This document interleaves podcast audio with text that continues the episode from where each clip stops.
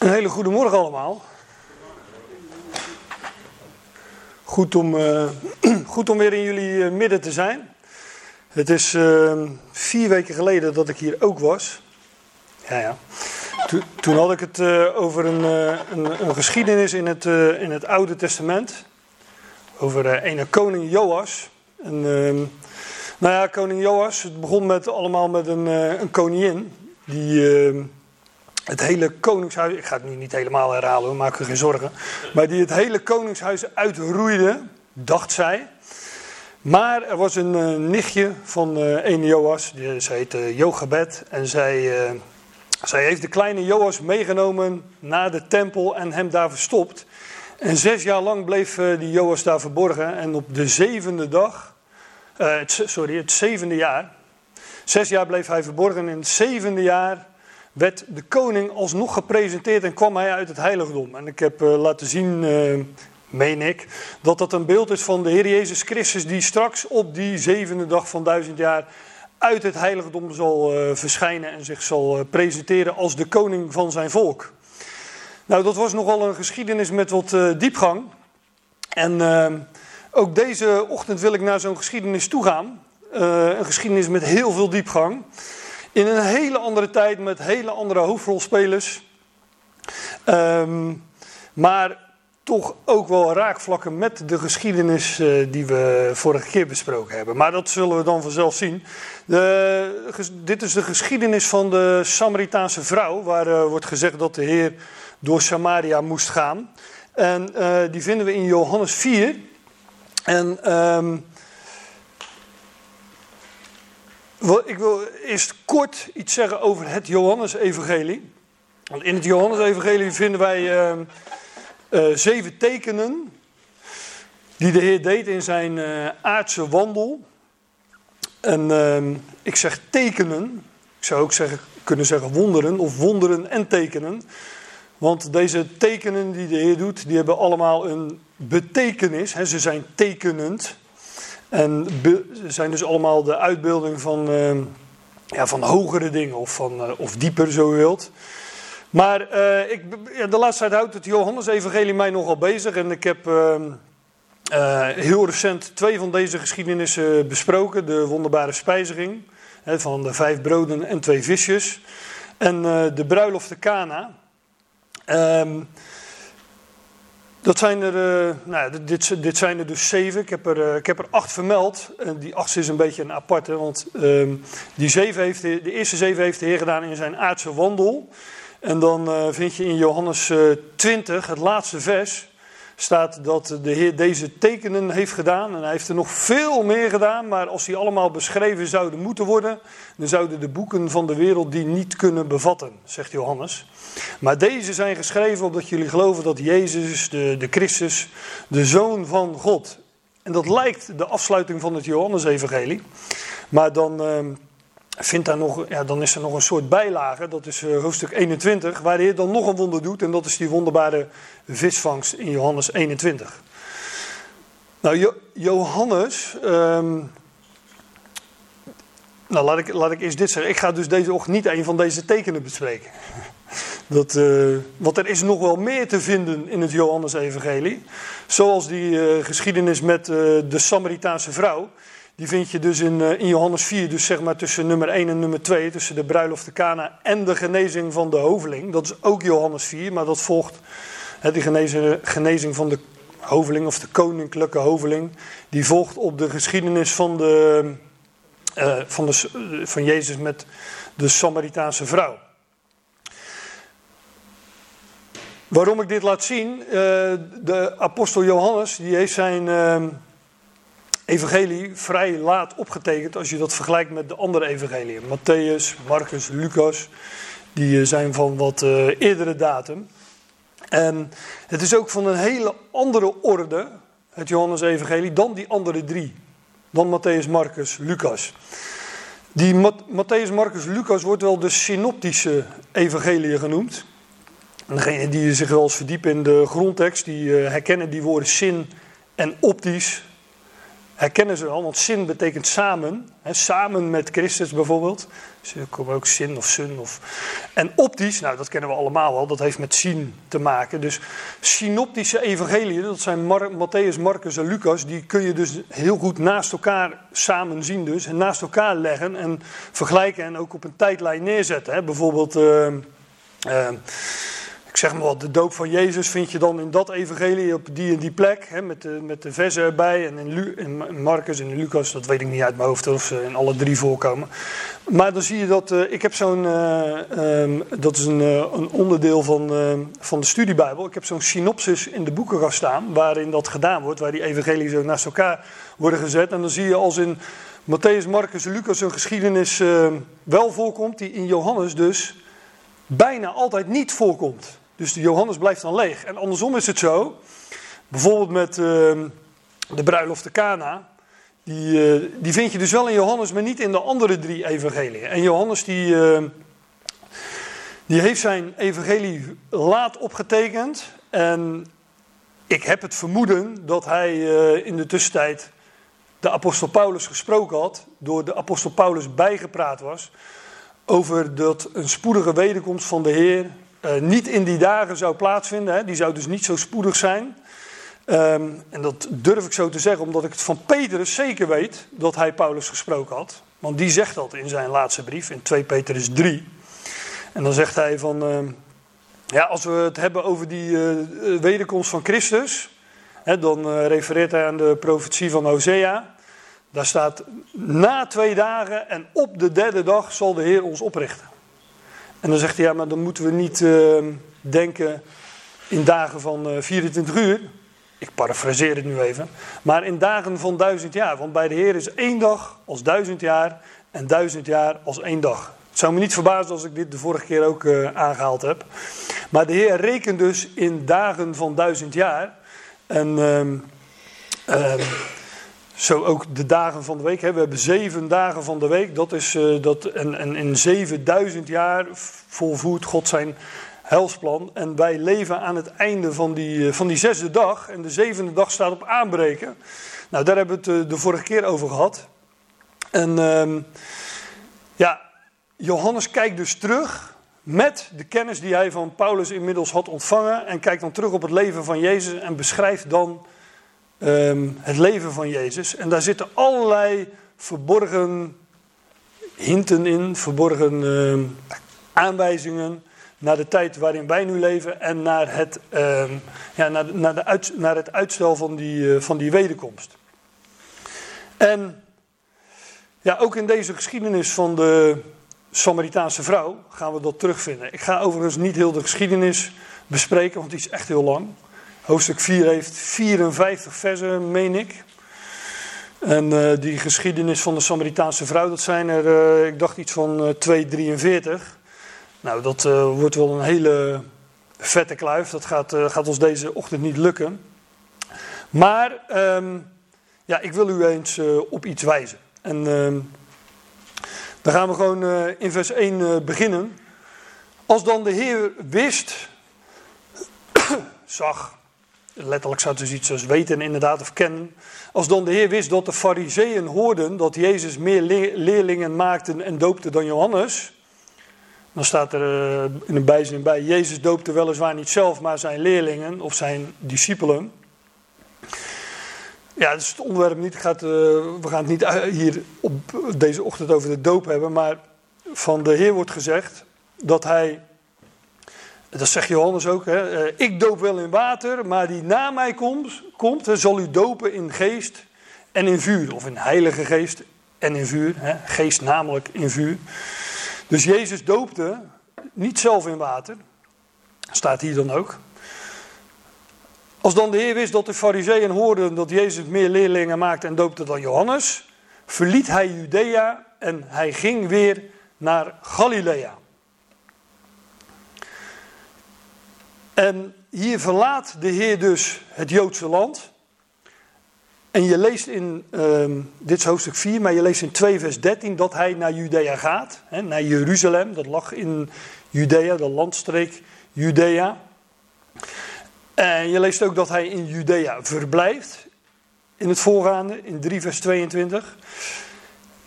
Maar in 5 vers 1, dus het hoofdstuk hierna, gaat hij weer terug naar Jeruzalem. Dus deze geschiedenis, Johannes 4, is een onderbreking. Nou, voor sommige mensen denk ik dat ik nu zou kunnen gaan zitten en uh, zeggen van uh, ik heb de lijntjes gegeven, kleur het plaatje zelf in. Maar ik blijf hier toch maar staan en uh, help dan even met het inkleuren. Maar Johannes 4 is een onderbreking. Nou, dat zou ons al, zou al allerlei belletjes zouden dan moeten gaan, gaan rinkelen. Maar wat doet de Heer? Hij verlaat Judea. En, en hij ging weer naar Galilea. En dan staat er, en hij moest door Samaria gaan. En ik zeg er altijd bij, en daar excuseer ik me meteen voor, dat moest helemaal niet. Ja, het moest wel, want het staat hier, hè, dus ik excuseer me gelijk. Maar die Joden die deden dat niet, hè, door Samaria gaan. En de Heer doet het wel. En, en, en het is ook bijzonder dat de Heer het doet. Want um, als we kijken naar de missie die de Heer had, dan wijkt dit dus af van zijn missie. Want de Heer zegt, ja, ik, ik, kijk, ik kan dat nu wel gaan vertellen, maar ik kan ook gewoon zijn eigen woorden laten zien. Dan staat er, hij antwoordde en hij zei, ik ben slechts gezonden tot de verloren schapen van het huis van Israël.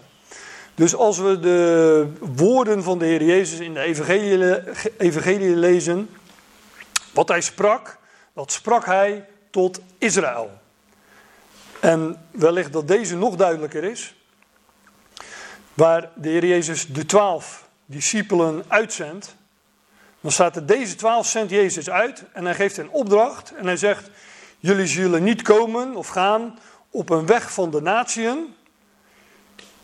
En jullie zullen geen stad van Samaritanen ingaan. Maar ga, hetzelfde, maar ga liever naar de verloren schapen van het huis Israël. Nou, kan het duidelijker of niet? Ga niet, jullie zullen geen stad van Samaritanen binnengaan. Want de Heer was Samaritanen, ik zal straks uitleggen wat, uh, wat het voor uh, lui wilde, ik zeg maar wat het voor volk was. Maar die werden gerekend tot heidenen, tot de natieën. En de Heer was gezonden tot de verloren schapen van het huis van Israël. Dat was zijn missie in zijn wandel hier op aarde.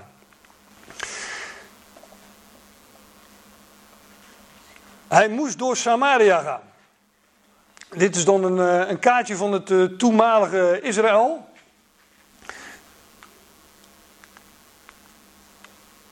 Dit is Judea, waar we het net over hadden, dat er uh, uh, naar Jeruzalem ging. En uh, dat is dus, uh, anders gezegd, het Joodse land. Hè? Judea, Joden.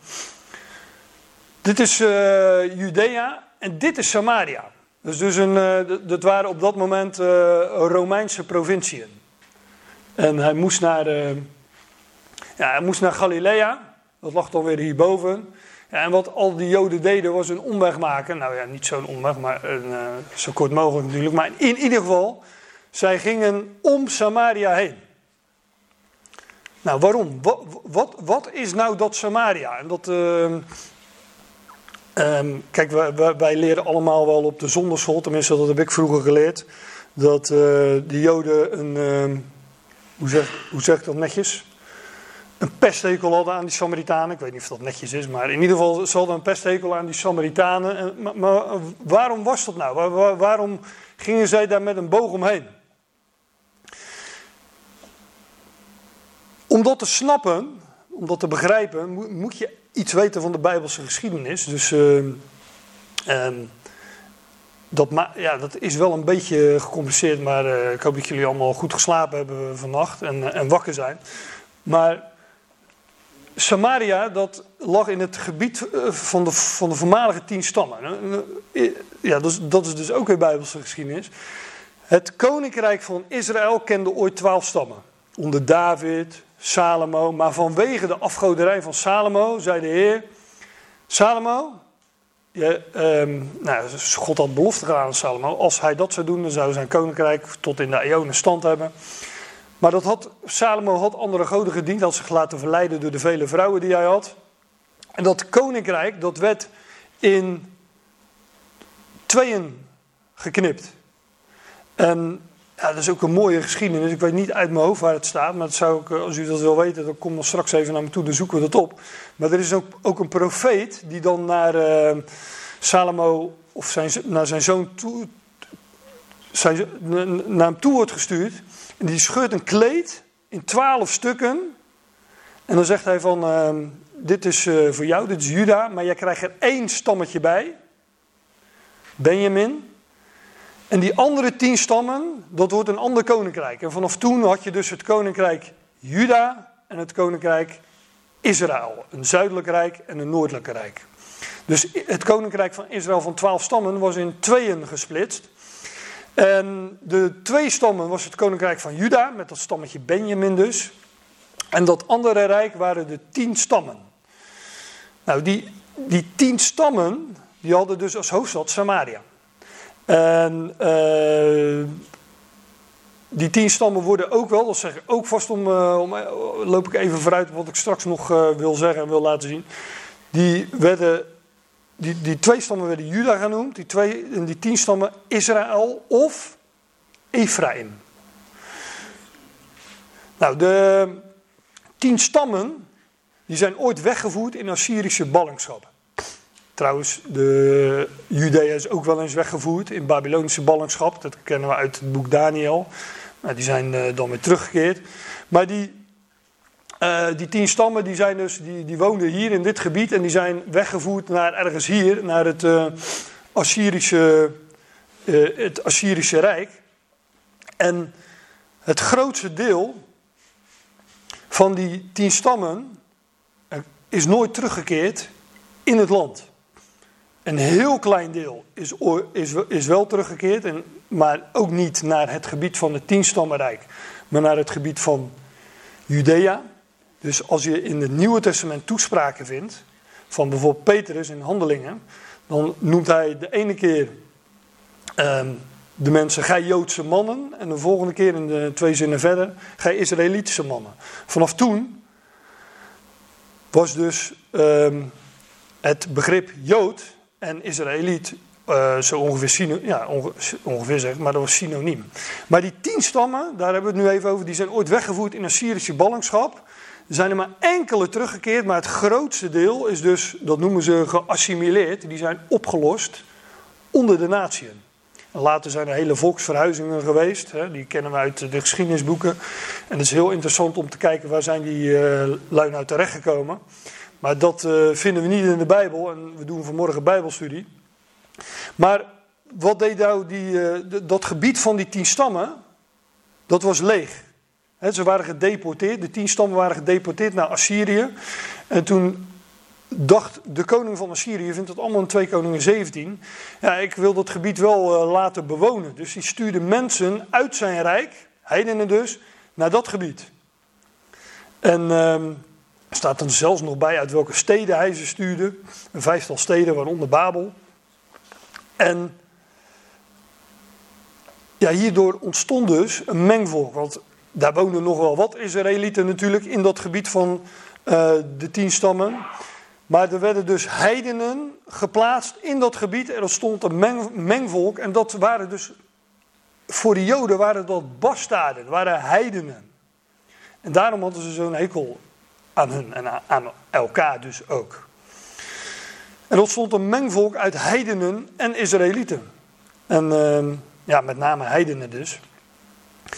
Dus daarmee is Samaria in de schrift dus ook een uitbeelding van de natieën. Daar woonden heidenen, daar woonden mensen uit de natieën. En daar was het uh, dan ook een, uh, een uitbeelding van. Nou, de Joden noemden de heidenen, dat waren honden voor hun. Hè? En uh, nou, de Samaritanen, dat was eigenlijk nog erger, want dat waren bastaden. Die hadden ergens nog wel een, een Israëlitische oorsprong. Nou, met dat in gedachten gaan we dus verder lezen. Hij kwam dan in een stad van Samaria genaamd Sigar. En uh, ja, Sigar, dat, eh, dat kennen we wel. Dat is in het Oude Testament is dat Sichem. en ehm, Sichem, dat is de stad van de aartsvaders. En uh, ja, dat hoef ik eigenlijk niet te zeggen, want als ik verder zou lezen, dan zie je dat daar een bron van Jacob was. overal waar die aartsvaders kwamen, gingen ze bij eikenbossen wonen en maakten ze, uh, ja, vonden ze bronnen. Of uh, groeven zij putten of bronnen. Maar Sigar en Sichem, dat spreekt dus ook van de beloften aan Abraham, Isaac en Jacob. Dus hier bevinden, hier bevinden we ons in Samaria, onder de, onder de heidenen. De Heer moest door Samaria gaan. Uh, hij heeft zich afgekeerd van Juda, van Judea. De Heer verliet Judea en hij moest door Samaria gaan. Nou, in het kort gezegd is dat een plaatje van onze tijd. De Heer heeft het Joodse volk verlaten, terzijde gesteld. Waar bevindt hij zich nu? Ja, in Samaria in beeld, maar onder de natieën. Zoals uh, Paulus zegt in Colossense 1. Hij kwam in de stad van Samaria genaamd Sigar, dicht bij het stuk grond dat Jacob aan zijn zoon Jozef geeft.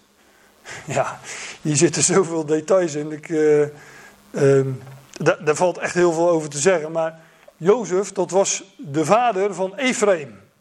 En Ephraim noemde ik net al even, want Ephraim is ook een aanduiding van de tien stammen. Die weggevoerd zijn in Assyrische ballingschap, grotendeels verdwenen zijn onder de natieën. Daarmee zou je ook kunnen zeggen dat Ephraim ons ook wijst op de heidenen, op de natieën.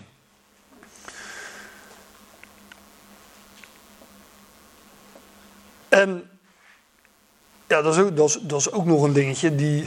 Uh, ik weet niet hoe, hoe, bekend jullie zijn met de geschiedenis in Genesis. Maar.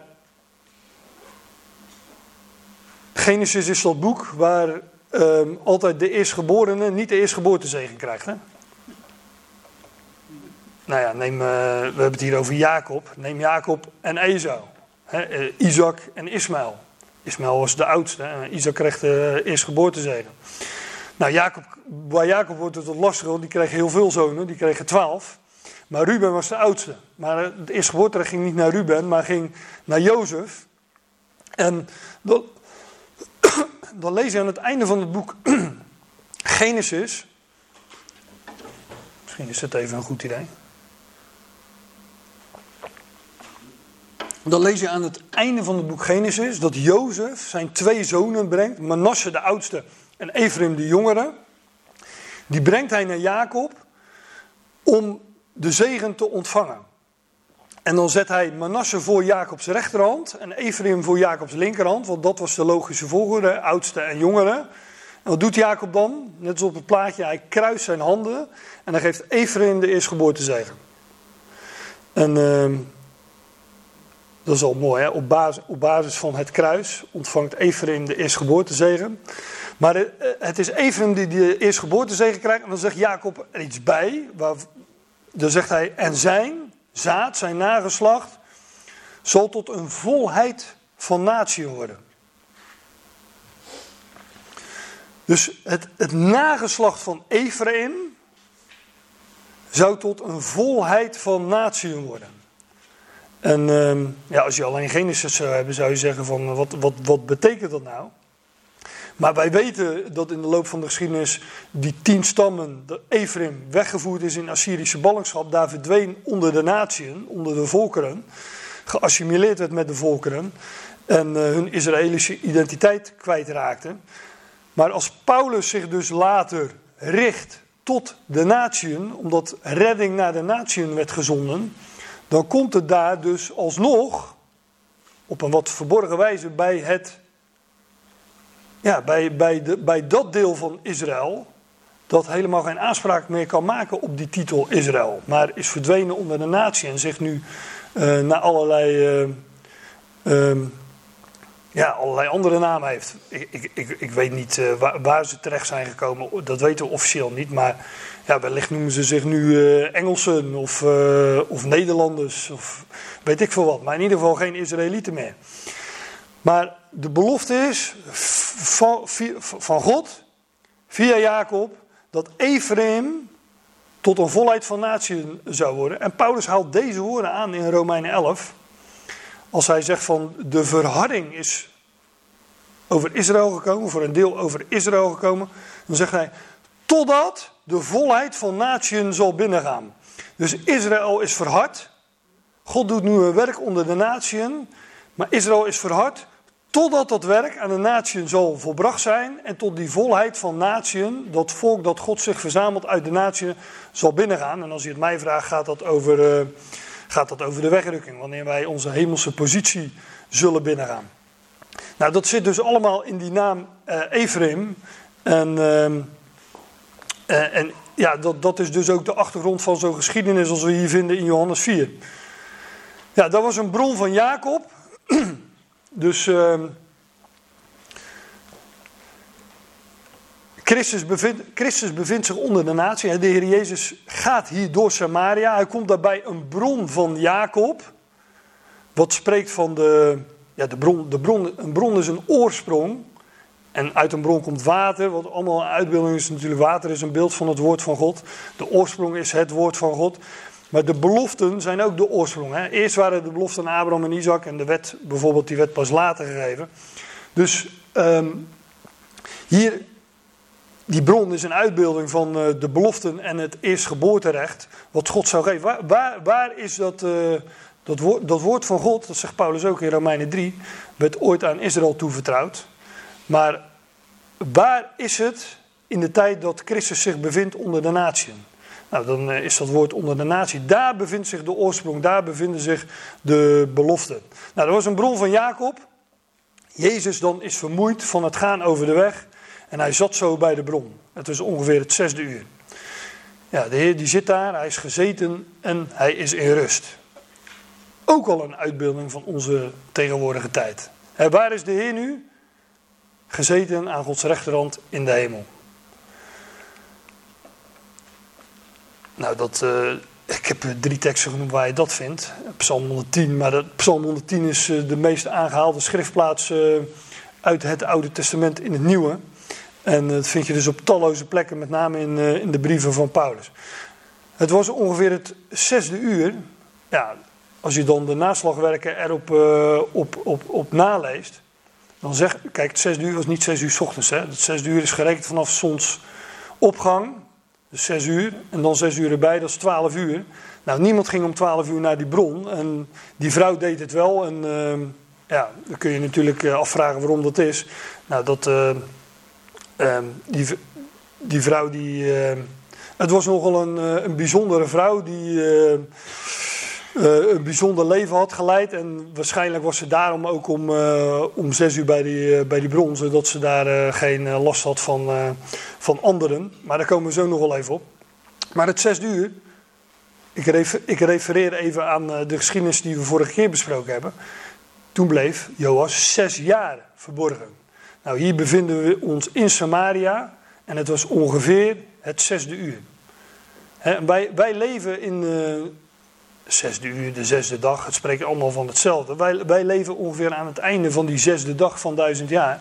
En die zevende dag, die staat op, op aanbreken. En ik geloof dat, dat, hier, uh, uh, dat het zesde uur daar hier ook van spreekt. Nou, we lezen gewoon verder. Er komt een zekere vrouw uit Samaria om water te putten. En Jezus zegt tegen haar: Geef mij te drinken. Nou, wat nu volgt, is een lang gesprek tussen Jezus en deze vrouw. Dat ga ik niet helemaal doornemen, want dan, uh, zou het een dagvullend programma worden. Want ik zei al, het is een lange geschiedenis en uh, er wordt nogal wat besproken tussen die twee. Ik ga het zo even samenvatten wat, uh, wat er dan gezegd wordt. Maar wat je ook leest, kijk het maar na. De twaalf zijn hier niet bij. De Heer had zich afgekeerd van Judea. Hij verliet Judea. Hij bevond zich onder de natieën en de twaalf, als uitbeelding van Israël, zijn hier niet bij. In vers 8 lees je dat ze voedsel gingen halen, geloof ik, ergens. En in vers 27 pas komen zij weer terug. Nou, ik vat uh, Johannes uh, even samen, Johannes 4, vers 8 tot 28, de versen die nu volgen. De vrouw, die is verbaasd dat Jezus, een Jood, water vraagt aan een Samaritaanse, een vrouw. Nou, waarom dat, uh, dat heb ik uitgelegd. Jezus zegt tegen die vrouw dat als zij wist met wie ze te maken had, dan, dan zou ze om levend water gevraagd hebben. de vrouw die geeft dan aan van, nou, dat, dat ze dat levende water wel wil. En dan zegt Jezus, haal je man. Die vrouw zegt, ja, ik, heb, ik heb geen man. Dan zegt Jezus, ja dat klopt, je hebt vijf mannen gehad en die je nu hebt, die is je man niet. Nou, waarop zij uh, verbaasd is en dan erkent en herkent ze Jezus ook als, als profeet. Want niemand kan die dingen weten zonder dat... Uh, ja, zo, een mens kan zulke dingen niet weten van een ander. Dan gaat ze nog een theologische kwestie, heb ik het maar genoemd, aan, uh, aan Jezus voorleggen. Over de plaats van aanbidding. En jullie aanbidden in Jeruzalem, wij op de berg Gerizim. Wat is nou uh, het juiste theologische inzicht? Hè? Nou, dan zegt de Heer, dan zegt de heer dat, dat er een tijd gaat komen dat men eh, helemaal niet op een plaats zal aanbidden, maar zal aanbidden in geest en waarheid. Wat natuurlijk ook een, eh, een beschrijving is van de tijd waarin wij leven. Wij hoeven niet naar Jeruzalem, naar de tempel en ook niet naar een berg Gerizim. Nee, wij aanbidden in, eh, in geest en waarheid. Dat dit is ook heel bijzonder. Die vrouw geeft aan dat ze een Messias verwacht. Nou, dat is niet zo bijzonder. Maar wat wel bijzonder is, is dat Jezus zich bekend maakt aan haar als de Christus, als de Messias. Jezus zegt gewoon, ja, zij zegt ik verwacht de Messias en Jezus zegt van ja, degene waar je mee eh, spreekt, ik ben het. En dat is bijzonder, want doorgaans vind je in de evangelie dat de Heer zelfs zijn discipelen op het hart drukt dat zij niet bekend maken dat hij de Messias is. Hij blijft daarmee ook voor het Joodse volk uh, uh, verborgen in die zin. Maar hier in Samaria, onder de natie, maakt de Heer zich bekend als de Messias. Heel bijzonder. Nou, dan lezen we, zijn nu al in vers 28, dus uh, we hebben wat sprongen gemaakt door, door het hoofdstuk. De vrouw dan laat haar watervat los. Zij ging weg de stad in en zij zegt tegen de mensen: dus die vrouw die laat haar watervat daar gewoon staan. Die dat watervat is natuurlijk ook een uitbeelding van haar oude leven. Want een watervat is een, is een uitbeelding van de mens. Hè? De 2 Korinthe 4 vers 7. Wij hebben deze schat in aarde vaten, zegt Paulus daar. Vandaar dat er in... Uh... Kijk, vaten zijn breekbaar. Hè? Er worden ook uh, vaten gebroken in de schrift. Maar in zo, vandaar dat in de Bijbel altijd een vat gevuld moet worden. Met olie, eh, met fakkels bij Gideon. Met water op de bruiloft te Kana. Dan blijkt het opeens wijn te zijn. Als uitbeelding van nieuw leven. Het woord van God, water gaat erin. Wat komt eruit? Nieuw leven.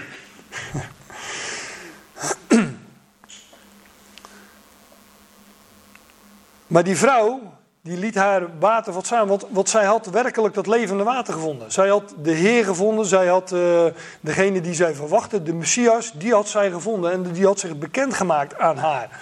Als de Christus, als de Zoon van God. Dus die, uh, ja, dat levende water waar het in dat gesprek ook over gaat. Wat ik dus nu niet bespro besproken heb. Dat hele gesprek tussen Jezus en de Samaritaanse vrouw. Ja, dat levende water wat ze daar besproken. Zij, wist van dat heb ik gevonden. Dus ik heb dat, uh, ik heb dat vat niet meer nodig. Nou, en dan gaat ze dus. Uh, ze laat haar watervat los. Ze ging weg de stad in. En dan zegt ze daar in die stad tegen de mensen: Kom hier, neem een mens waar. Die tegen mij zei, die tegen mij zei wat ik allemaal doe. Hè, wat ik allemaal gedaan heb. Is deze niet de Christus? En. Uh, ja, de meeste vertalingen zullen hebben: zie een mens. Maar er staat letterlijk: neem waar. Ik weet niet hoe dat in het Grieks is, maar in het Nederlands is dat heel mooi. Als je iets waarneemt, dan, dan het woord waar zit erin. Je weet, dit is waar, dit is waarheid. Het, dat gaat veel dieper dan iets zien of iets horen. Nee, je, je, je weet echt iets, je kent iets, je, je beseft iets, het is, het is waarheid voor je. En dat wist deze vrouw. Kom hier, neem een mens waar die tegen mij zei wat ik allemaal doe. Is deze niet de Christus? Zij dan, dus die, uh, die mensen uit Sigar. Zij dan gingen de stad uit en zij kwamen naar hem toe. Ik moet al denken aan dat uh, vers uit uh, Hebreeën. Laat ons dan uitgaan tot, naar hem, hè, tot hem, buiten de legerplaats. Zij verlieten ook hun, hun stad. deed Abraham trouwens ook. Hè. Verlaat uw land en uw maagschap en uw vaders huis. En hij volgde gewoon de belofte die God hem had gegeven. Zij dan gingen de stad uit en ze kwamen naar hem toe. En intussen vroegen de discipelen, de leerlingen hem, en ze zeggen, Rabbi, eet. Ja, het is, ook wel weer uh, mooi. In de, ik heb hier een interlineair uh, erbij gezet. In de tussen staat er letterlijk. In de, tij, in de tussentijd wordt het dan uh, in het Nederlands. Maar in de tussentijd, intussen is het al vertaald, maar in de tussentijd. We hebben hier een geschiedenis die zich afspeelt in een tussentijd. Wij, wij leven in die tussentijd. Een tussentijd waarin Israël buitenspel staat, terzijde staat. Binnenkort gaat de Heer de draad weer oppakken met zijn volk. Maar wij leven in die tussentijd waarin redding naar de natie werd gezonden. Waarin Christus onder de natie verblijft. In de tussentijd, en wat je hier dus ook vindt, is in deze geschiedenis, is ook een onderbreking weer in het hele verhaal. Die ook natuurlijk stilistisch is. En ook die ga ik niet helemaal lezen, want dat is ook weer een, ehm, een, een, een geschiedenis op zich. Maar ja, telkens worden, dingen herhaald, hè? ook in, in, in beeld, in typologie. Maar hier volgt dus weer een onderbreking in de geschiedenis en die wordt ook genoemd ja, in, in de tussentijd. Nou, dat is dus uh, een onderbreking, in, ja, stilistisch. En dan, dan staat er, vanuit die stad geloven velen van de Samaritanen in hem. Vanwege het woord van de vrouw die getuigt. Hij zei tegen mij wat ik allemaal doe. Dus de Heer heeft Judea verlaten en is buiten het Joodse land. En daar maakt hij zich bekend als de Christus. En zoals hij in onze tijd, het Joodse, zoals in onze tijd het Joodse volk terzijde is gesteld. En de Heer zich onder de natie bekend maakt als de Christus. En ja, er komen ook, hij, dat, lees je ook, die, die vrouw die getuigt daar. En dan staat er vanuit, vanuit die stad geloven velen van de Samaritanen in hem. Dus onder de natie komen, ja, komen, komen, komen heidenen tot geloof. Ze geloven in hem. En je leest in, uh, eerder in het Johannes-evangelie dat de Joden in hem geloofden vanwege zijn tekenen, hè, degene die in hem geloofden. Maar hier lees je dat de Samaritanen geloofden vanwege zijn woord. Je leest hier ook nergens in de geschiedenis dat de Heer een teken heeft gedaan. Ik liet net die tekenen zien in het Johannes-evangelie. Maar hier doet de Heer geen teken.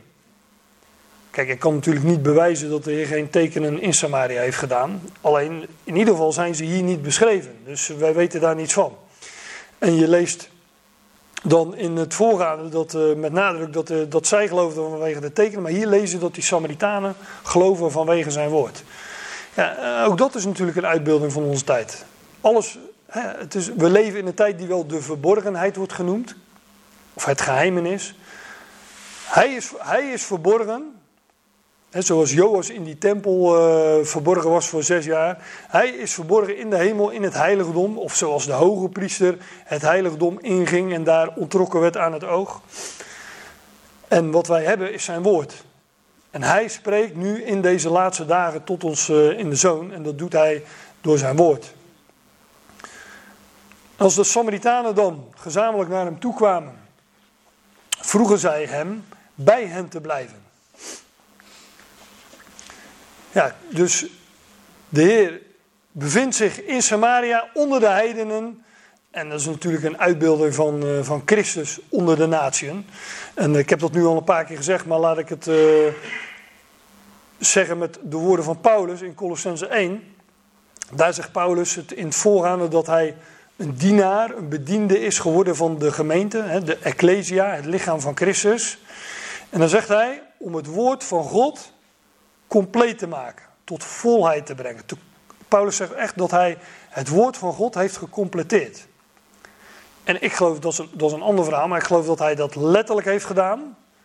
De laatste brieven heeft geschreven en die samen met uh, Petrus, Lucas en, en Marcus en wellicht nog anderen ook die kanon, de, wat wij kennen als de Bijbel, die 70 boeken bij elkaar gebracht heeft, dat hij dat letterlijk gedaan heeft.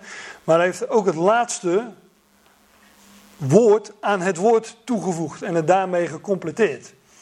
En omdat hij dat tot volheid heeft gebracht, zien wij nu in al die geschiedenissen in het Oude Testament, zoals ik vorige keer een geschiedenis besprak van Joas, maar ook hier in de Evangelie en op uh, talloze andere plaatsen, zien wij ook de diepere lagen. En in die zin heeft Paulus het ook het woord tot volheid gebracht. Doordat hij dingen heeft geopenbaard die nog niet bekendgemaakt waren, zien wij nu dat die dingen die hij bekendgemaakt had al verborgen lagen in nou ja, de Hebreeuwse Bijbel, om het zo maar te zeggen. Paulus was de bediende van de Ecclesia, een dienaar van de Ecclesia, daartoe aangesteld om het woord van God te completeren. Nou, wat dan? Nou, dat gaat hij nu zeggen, en dat heb ik eigenlijk al met mijn eigen woorden gezegd. Het geheim, andere vertalingen, en mysterion in het Grieks, andere vertalingen zeggen de verborgenheid. Dat ionen en generaties lang verborgen is geweest, maar nu aan zijn heiligen openbaar gemaakt werd. Aan hen wil God bekendmaken wat de rijkdom van de heerlijkheid van dit geheim is. Onder de natieën. Christus onder jullie, de hoop van de heerlijkheid. Dus de Messias die gezonden werd tot het Joodse volk, tot Israël, om een Israëlitisch koninkrijk op te richten, te openbaren. Die Christus die bevindt zich nu onder de natie. Want Israël aanvaarde hem niet als de Messias. Dat volk is terzijde gesteld. In de toekomst zullen zij, ja dat is weer een, eh, een, een heel ander verhaal, maar zullen zij in een uiterste benauwdheid, in nood, in een grote verdrukking, de naam van de Heer aanroepen, de naam van Jaweh aanroepen. En dan zal de Heer verschijnen uit dat heiligdom, zoals Joas uit dat heiligdom kwam. En dan zal, de Heer zal zijn voeten zetten op de olijfberg. En dan zal, een bekeerd, zal hij via een bekeerd Israël, een Israëlitisch koninkrijk, over deze hele aarde vestigen. Maar nu, in de tussentijd, in de onderbreking, is de Heer twee dagen in Samaria, dus twee dagen onder de natie. En ik heb al gezegd, die dagen, zegt Petrus, moeten we rekenen in dagen van duizend jaar. En dat was verborgen, geheim, in voorgaande ionen en generaties. In voorgaande tijdperken en generaties was dit verborgen. Maar Paulus zegt het is nu aan zijn heiligen openbaar gemaakt.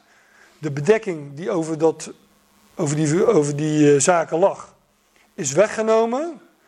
Geopenbaard, onthuld. Hè, als een standbeeld onthuld wordt, er ligt een bedekking overheen, maar je trekt het doek weg en het beeld wordt zichtbaar. Nou, dat, uh, dat woord wordt hier gebruikt. En God wil uh, aan die heiligen bekendmaken wat de rijkdom van, dit van de heerlijkheid van dit geheim is onder de natie. Christus onder jullie natieën. Dus de Messias, hè, want dat is een, dat is, Christus is een Grieks woord, Messias is uh, Hebreeuws Mashiach. De Messias die in Israël beloofd was, die bevindt zich nu onder de natie. Christus onder jullie de, de hoop, verwachting van heerlijkheid. Nou, en dan staat er, hij blijft daar twee dagen. En uh, ja, die twee dagen in Samaria zijn een uitbeelding van de 2000 jaar, van die verborgenheid of het geheimenis, dat Christus zich bevindt onder de natieën.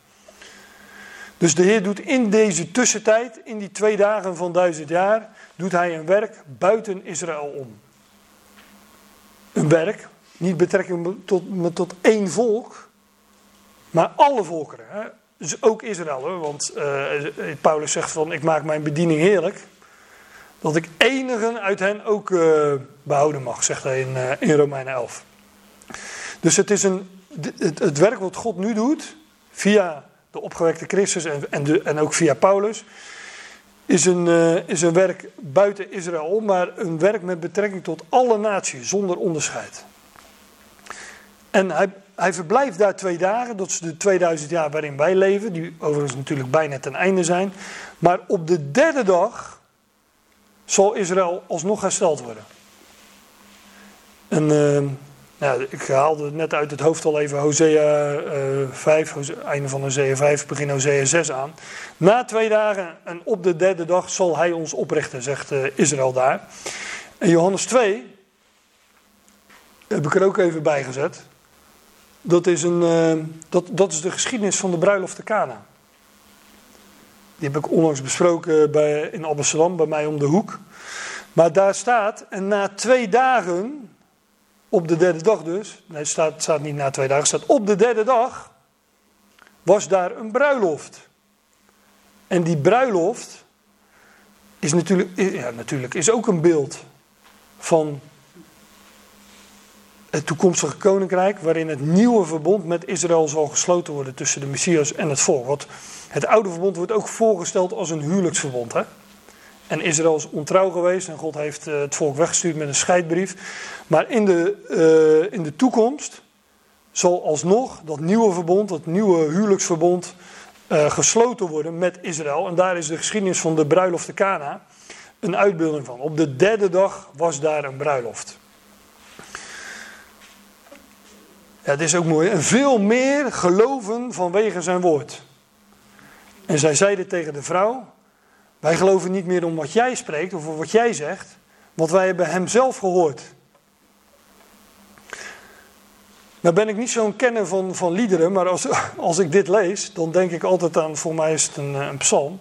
Daar staat, ik prijs het onfeilbaar woord, ik heb het zelf uit zijn mond gehoord. En daar moet ik altijd aan denken als ik dat lees van die, uh, van die Samaritanen. Eerst geloven zij omdat die vrouw getuigde. Toen, liep die hele stad uit en gingen zij tot hem, tot de Heer, bij de bron. En ja, dan zeggen ze op een gegeven moment, uh, zeggen ze, ja, we geloven niet meer om wat jij hebt gezegd, maar wij, wij hebben het hem nu zelf gehoord. En zo, zo zou het ons natuurlijk ook vergaan. Hè? Wij, kijk, jullie zitten mij allemaal uh, bereidwillig bereidwillig te horen.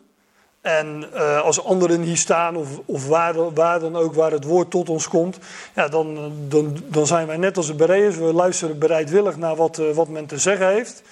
En we gaan zelf na in de schrift of de dingen die ons verteld worden, of die wij lezen, of die al zo zijn.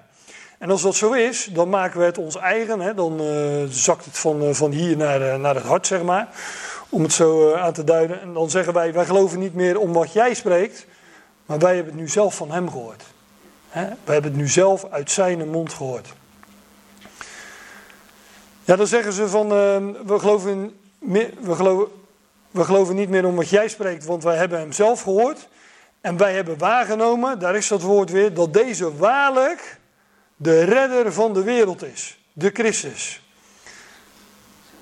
Dus de Heer is Judea verlaten, het, volk, het Joodse volk is terzijde gesteld, hij bevindt zich onder de natieën. Daar geloven velen vanwege zijn woord. En wat geloven zij? Wat wordt, daar, uh, ja, wat wordt er bekendgemaakt in wat de Heer spreekt? Dat hij de redder is van de wereld.